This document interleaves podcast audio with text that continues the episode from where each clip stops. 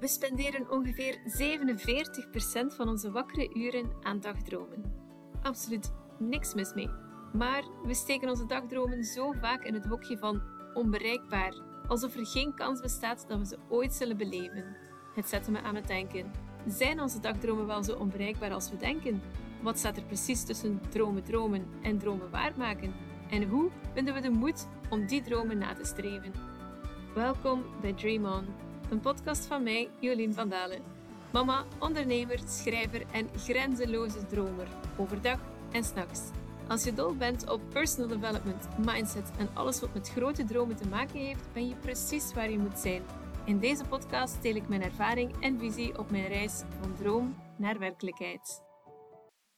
En zo zijn we alweer bij de zevende aflevering van Dream On. Het lijkt echt wel gisteren dat ik een artikel las waarvan een quote dagenlang in mijn hoofd bleef hangen. We spenderen 47% van onze wakkere uren aan dagdromen. En niet alleen omdat ik die 47% best een hoog getal vind, maar vooral omdat het besef er bij mij heel hard inbeukte dat ik een verzameling dromen in mijn hoofd had aangelegd waar ik nauwelijks iets mee deed. Zowel kleine dromen als grote dromen. Het waren als ballonnetjes die ik in mijn hoofd zorgvuldig aan het opblazen was en die ik bij de kleinste hint van actie verschrikt losliet of zelfs doorprikte. Ik had er genoeg van, van die zieke zaal vol verwaarloosde dromen. En ik besloot om enkele ballonnetjes te laten zweven naar de bestemming van hun keuze. En dus startte ik een podcast om dat deeltje van mijn weg te documenteren. En tegelijk hopelijk ook enkele mensen te inspireren om net hetzelfde te doen. En ondertussen zijn we vier maanden verder en heeft mijn podcast 17 trouwe luisteraars. Dat klinkt misschien weinig, maar als je die allemaal bij elkaar zet, is het een klein klasje. En ik vind dat fantastisch, omdat ik nu het gevoel heb dat ik niet gewoon in mijn micro aan het spreken ben, maar effectief een verhaal aan iemand vertel. Een andere podcaster, iemand naar wie ik heel erg opkijk en die maar podcast Zorgouders herkenbaarheid en perspectief biedt, is Tamara van Mijn kind heeft autisme. Daarin vertelt ze over haar gezin, haar twee prachtige kinderen, haar lieve man en hoe de diagnose van autisme bij haar oudste kind elke dag hun gezinsleven beïnvloedt. Ze deelt met zoveel liefde voor haar gezin en voor zichzelf alles wat goed gaat en wat minder goed gaat. Over haar gedachten en de gebeurtenissen die pijn doen, maar ook die die hoop geven. Kortom, het is een heel troostend en herkenbare podcast voor zorgouders. Maar ze geeft zorgouders ook een platform, niet enkel online, bijvoorbeeld via Instagram, maar ook tijdens koffiedates van het Zorgclubje voor zorgouders van kindjes met autisme. En de eerstvolgende koffiedate of chocomelkdate, whatever tickles your fancy, die gaat door in de Tarterie in Kortrijk op zaterdag 23 maart vanaf 14 uur. Ben je of ken je een zorgouder en heb je vragen of wil je gewoon even je verhaal kwijt? Bij Tamara krijg je woorden, je gedachten, je gevoelens een heel veilige plek om te landen. Zoals ik in een vorige aflevering al zei, ik vind de verbinding aangaan met anderen, het geluk hebben om een stukje van jezelf met anderen te delen en te weten dat het daar veilig is, enorm belangrijk. Ook al gaat het om je dromen, je hartewensen, je diepste verlangens. In de aflevering over het Dream On Framework om je dromen waar te maken, heb ik ook benadrukt dat het heel belangrijk is om zelfvertrouwen te kweken en meer zelfzorg in te plannen in je leven. Dit om net die betere relaties aan te gaan met anderen. Er wordt ook vaak gezegd: zelfkennis is het begin van alle wijsheid. En ik ga daar grotendeels mee akkoord. Jezelf kennen is weten hoe je op bepaalde prikkels en gebeurtenissen zal reageren. Het is weten waar je voor jezelf de grens trekt. Over grenzen heb ik trouwens ook een aflevering opgenomen. Als je jezelf kent, ben je beter in staat om je leven in te richten op een manier die bij jou past. En als er iets is waarin ik geloof, dan is het dat zelfkennis het begin van groter geluk is. Maar hoe leer je nu jezelf kennen? Wel, dat is een grote vraag waarop ik geen pasklaar antwoord heb. Maar ik kan u wel vertellen hoe ik op zoek ben gegaan naar mezelf. Ik heb het al een paar keer aangehaald, maar voor mij waren de coronapandemie en de lockdowns een keerpunt. Begin 2020 had ik een baan als marketingmanager bij een groot bedrijf. Ik had net een pracht van een chocoladelabrador geadopteerd. Ik had al een tweetal jaar een vaste relatie en in 2016 had ik mijn eigen woning gekocht. Als ik de maatschappelijke normen mocht geloven, had ik het perfect voor elkaar. Mooi omhoog geklommen op de corporate ladder, bakstenen en dakpannen in mijn bezit, fur baby om te knuffelen en s'avonds niet alleen in mijn bed moeten kruipen. Maar de vraag was dan, waarom knaagde het zo? Waarom voelde ik me niet altijd zo gelukkig? Was ik een ondankbaar schepsel? Of zat ik op mijn 32e al in een midlife crisis? Corona en lockdown, hoeveel leed ze ook hebben gebracht, ze gaven mij een noodzakelijk geschenk: tijd. Een luxe artikel waarvoor ik de jaren daarvoor geen oog had gehad. Tijd die ik besteedde aan boeken lezen, aan podcasts beluisteren, aan blogs lezen, aan gesprekken aanknopen met coaches zoals Caroline Mot, die me introduceerden in het concept van zelfliefde. Ik ga zeker ook enkele titels van boeken, blogs en podcasts in de show notes zetten die mij in het bijzonder hebben geholpen op mijn reis naar een betere zelfkennis en zelfacceptatie. Want dat laatste is misschien nog wel belangrijker. Zeker voor iemand, zoals ik, die jarenlang gebukt ging onder een laag zelfbeeld. Ik heb geluk. Ik heb fantastisch lieve ouders, een heel lieve broer, die er altijd voor mij zijn, die mij steunen door dik en dun.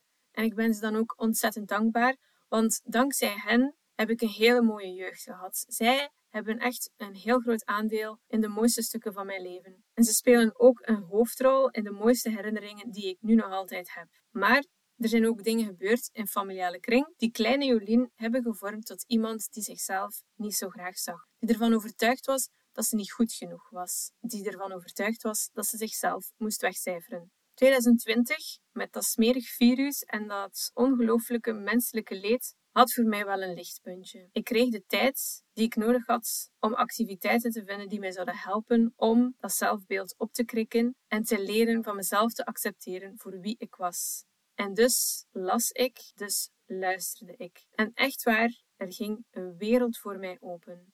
Een wereld waarin het oké is om lief te zijn voor jezelf, waarin je best eens nee mag zeggen, waarin je jezelf mag afsluiten om op adem te komen, waarin zelfzorg geen teken van egoïsme is, waarin minder heel veel betekent. En ik wil dan ook graag in deze aflevering van Dream on the Podcast twee openbaringen delen die voor mij een heel groot verschil hebben gemaakt toen en vandaag nog steeds. En het eerste is dat ik ontdekte dat ik introvert ben. En misschien zal je nu denken van hoe kan dat dat jij dat niet weet van jezelf? Wel, ik had er me gewoon niet in verdiept. Het was een thema dat ik niet zo heel goed kende. Op school, ja, hadden er zeker iets over gezien. Op school hadden ze mij uitgelegd dat het grootste verschil tussen introverten en extraverten was dat een extravert rondere trekken had in het gezicht en volle lippen bijvoorbeeld. Maar een introvert die had eerder hoekige trekken en dunne lippen. En dat zijn dan eigenlijk de grootste tekenen van een introverte of een extraverte persoonlijkheid. Daarnaast zijn er ook de clichés. Introverten zijn stil, ze zijn asociaal. Extraverten, ga, the life of the party, sociaal, luid. En wie mij kent, die weet dat ik zeker niet altijd de stilste ben. Ik ben zeker ook geen kluizenaar. Ik heb in mijn studententijd best wat feestjes meegepikt en heb aan die periode ook een stel heel goede vrienden overgehouden. Maar ik wist ook niet dat het clichébeeld van introverten en extraverten totaal niet strookte met de werkelijkheid.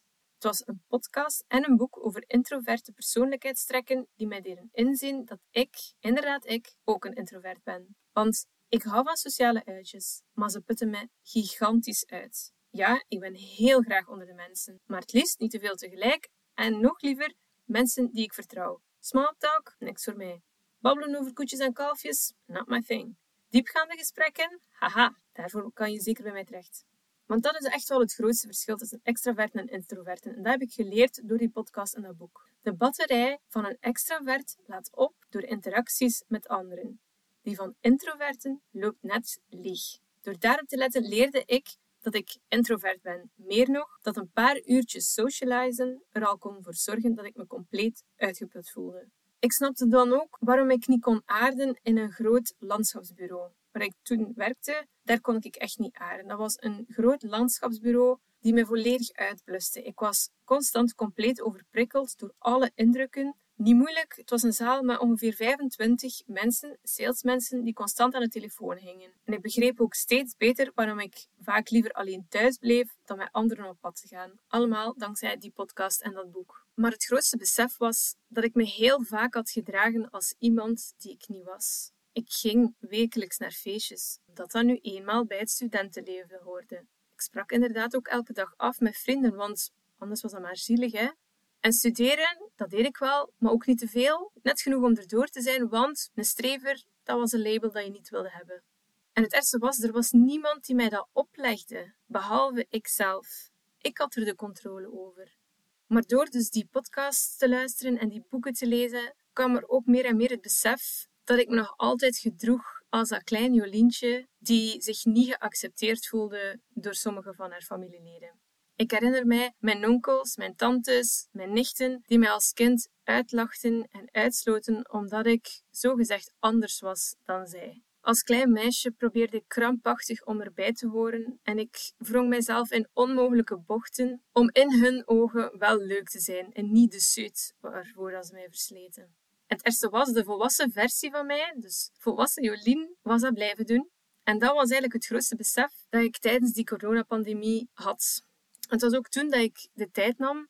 Ja, ik kreeg het geschenk van tijd en ik heb het echt genomen om alles op een rijtje te zetten. En dan ook om actie te ondernemen en de relatie met mezelf aan te pakken.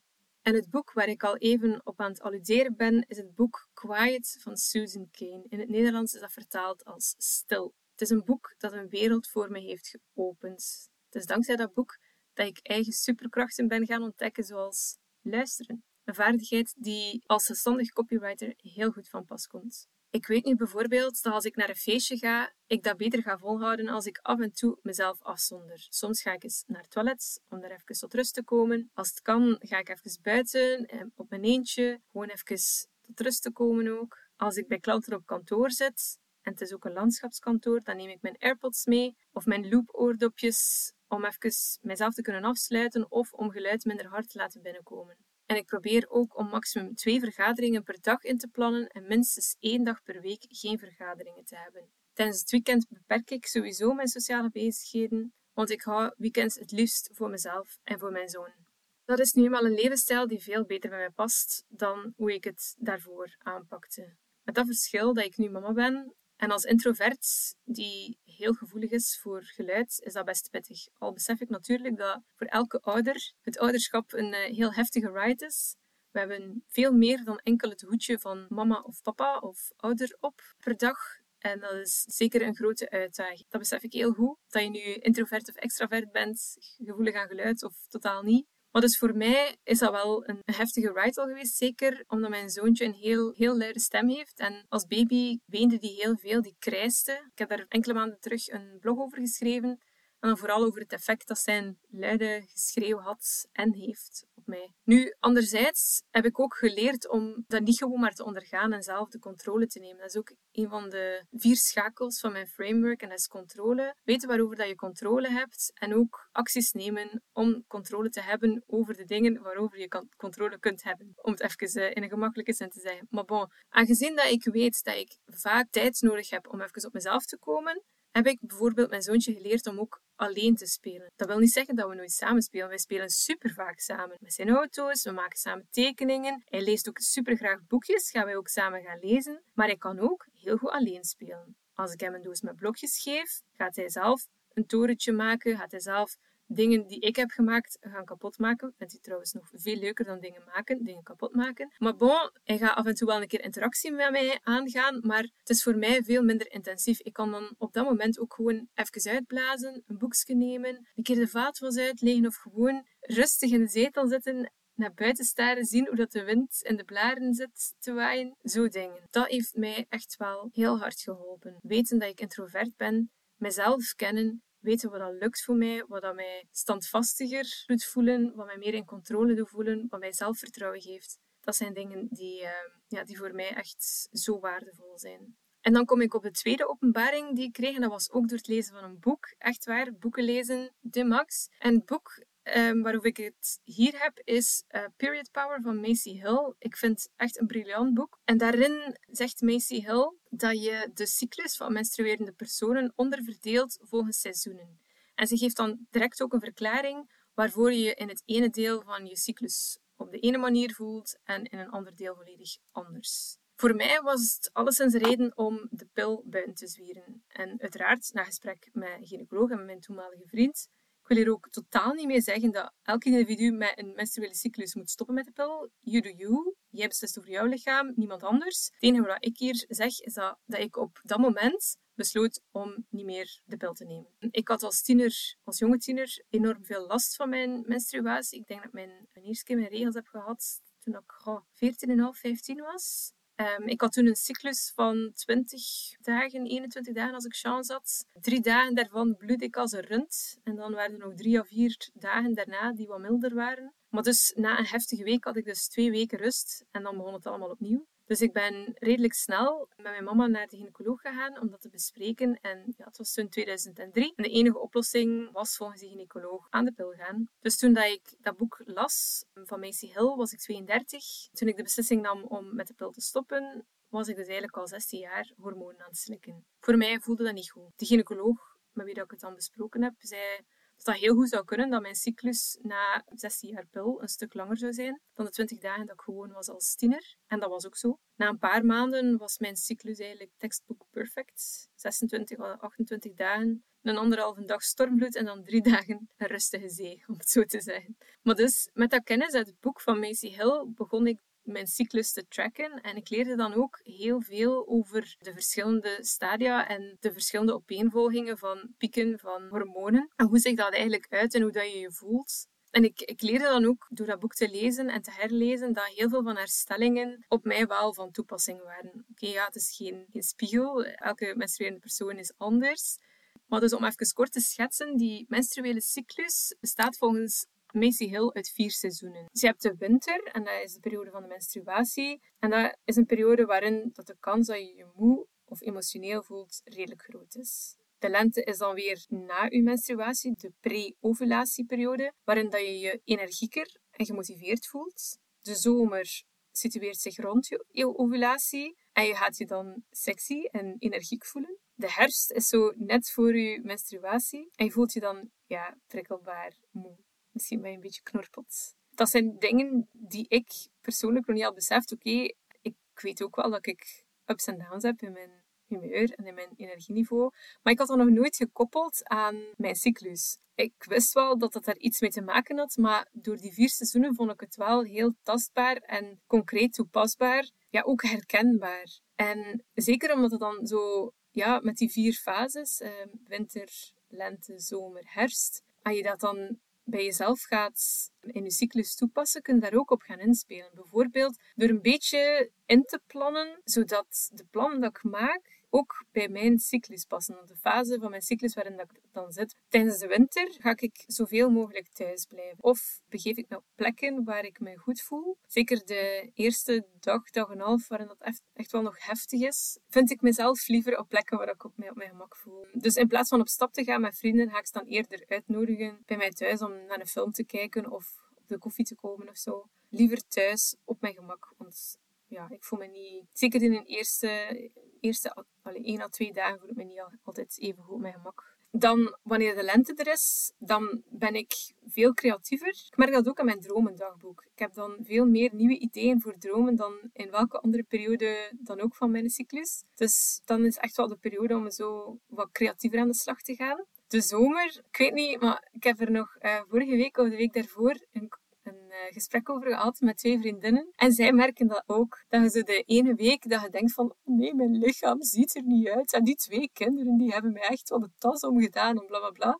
Terwijl dat je dan zo bijvoorbeeld tijdens de week van je ovulatie, dus de zomer, dat je dan denkt van, oh my god, wat een killer body heb ik. Kijk, kijk die mij een keer staan in de spiegel. Ik zie er fantastisch uit. Dus in de zomer, wanneer dat je zo voelt, beetje sexy, dan durft je ook meer. En dan ga ik eigenlijk ook gaan kijken om iets spannends in te plannen. Bijvoorbeeld ja, een, een droom dat ik heb, om die dan te gaan waarmaken, omdat ik weet dat ik in die periode van mijn cyclus net iets meer zelfvertrouwen heb om dat te durven. En dan ja, de herfst. Net voordat je menstruatie begint. Je je al een beetje minder goed gehumeurd. Om niet te zeggen chagrijnig. Allee, ik toch. Maar dan merk ik ook wel dat ik beter word in het analyseren van mijn dromen. Als ik dat dan vergelijk met eender welke periode dat ik dat doe, dus die drie dromen dat ik elke dag opschrijf, om dan een keer te zien, ja, waar zit de rode draad en hoe voel ik me erbij en dit en dat. Um, ik heb veel meer ruimte voor introspectie, zo net voordat mijn menstruatie begint. Gewoon omdat ik dan ook al een beetje meer de neiging heb om in mezelf te keren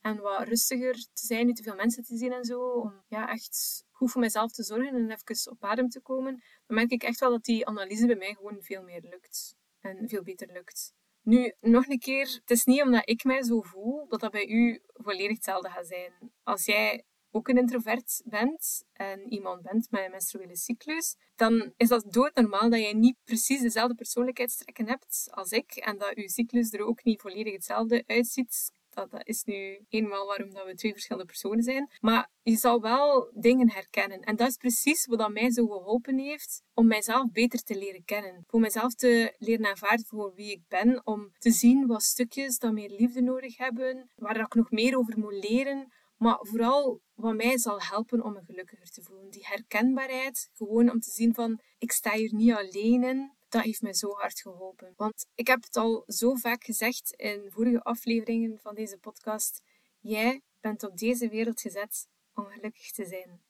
Jij bent hier om je leven in te delen zoals jij dat wil. Want als jij gelukkig bent en je dat ook uitstraalt, dan is de kans zo groot dat vele andere mensen rondom u wat van uw stralen gaan opvangen en zelf ook gelukkig gaan worden. Ik zie het ook aan mezelf dat als ik mij gelukkig voel, dat ik dat graag deel met anderen. En dus uw focus op geluk is zeker geen egoïstische daad. Het is net één die het leven van anderen mooier en stralender maakt. Vergeet dat alstublieft niet. Uw zelfzorg, uw focus op uzelf, uw zelfliefde is geen daad van egoïsme is eigenlijk het mooiste dat je voor een ander kunt doen. Tot de volgende. Duizendmaal dank om tot hier te luisteren. Als je iets aan deze aflevering hebt gehad, help dan ook anderen om hem te ontdekken. Dat doe je door een review achter te laten of door hem te delen op social media. Heb je vragen over deze aflevering? Stuur zeker een berichtje via Instagram. Mijn handle is @jolinvdalen. Sweet dreams!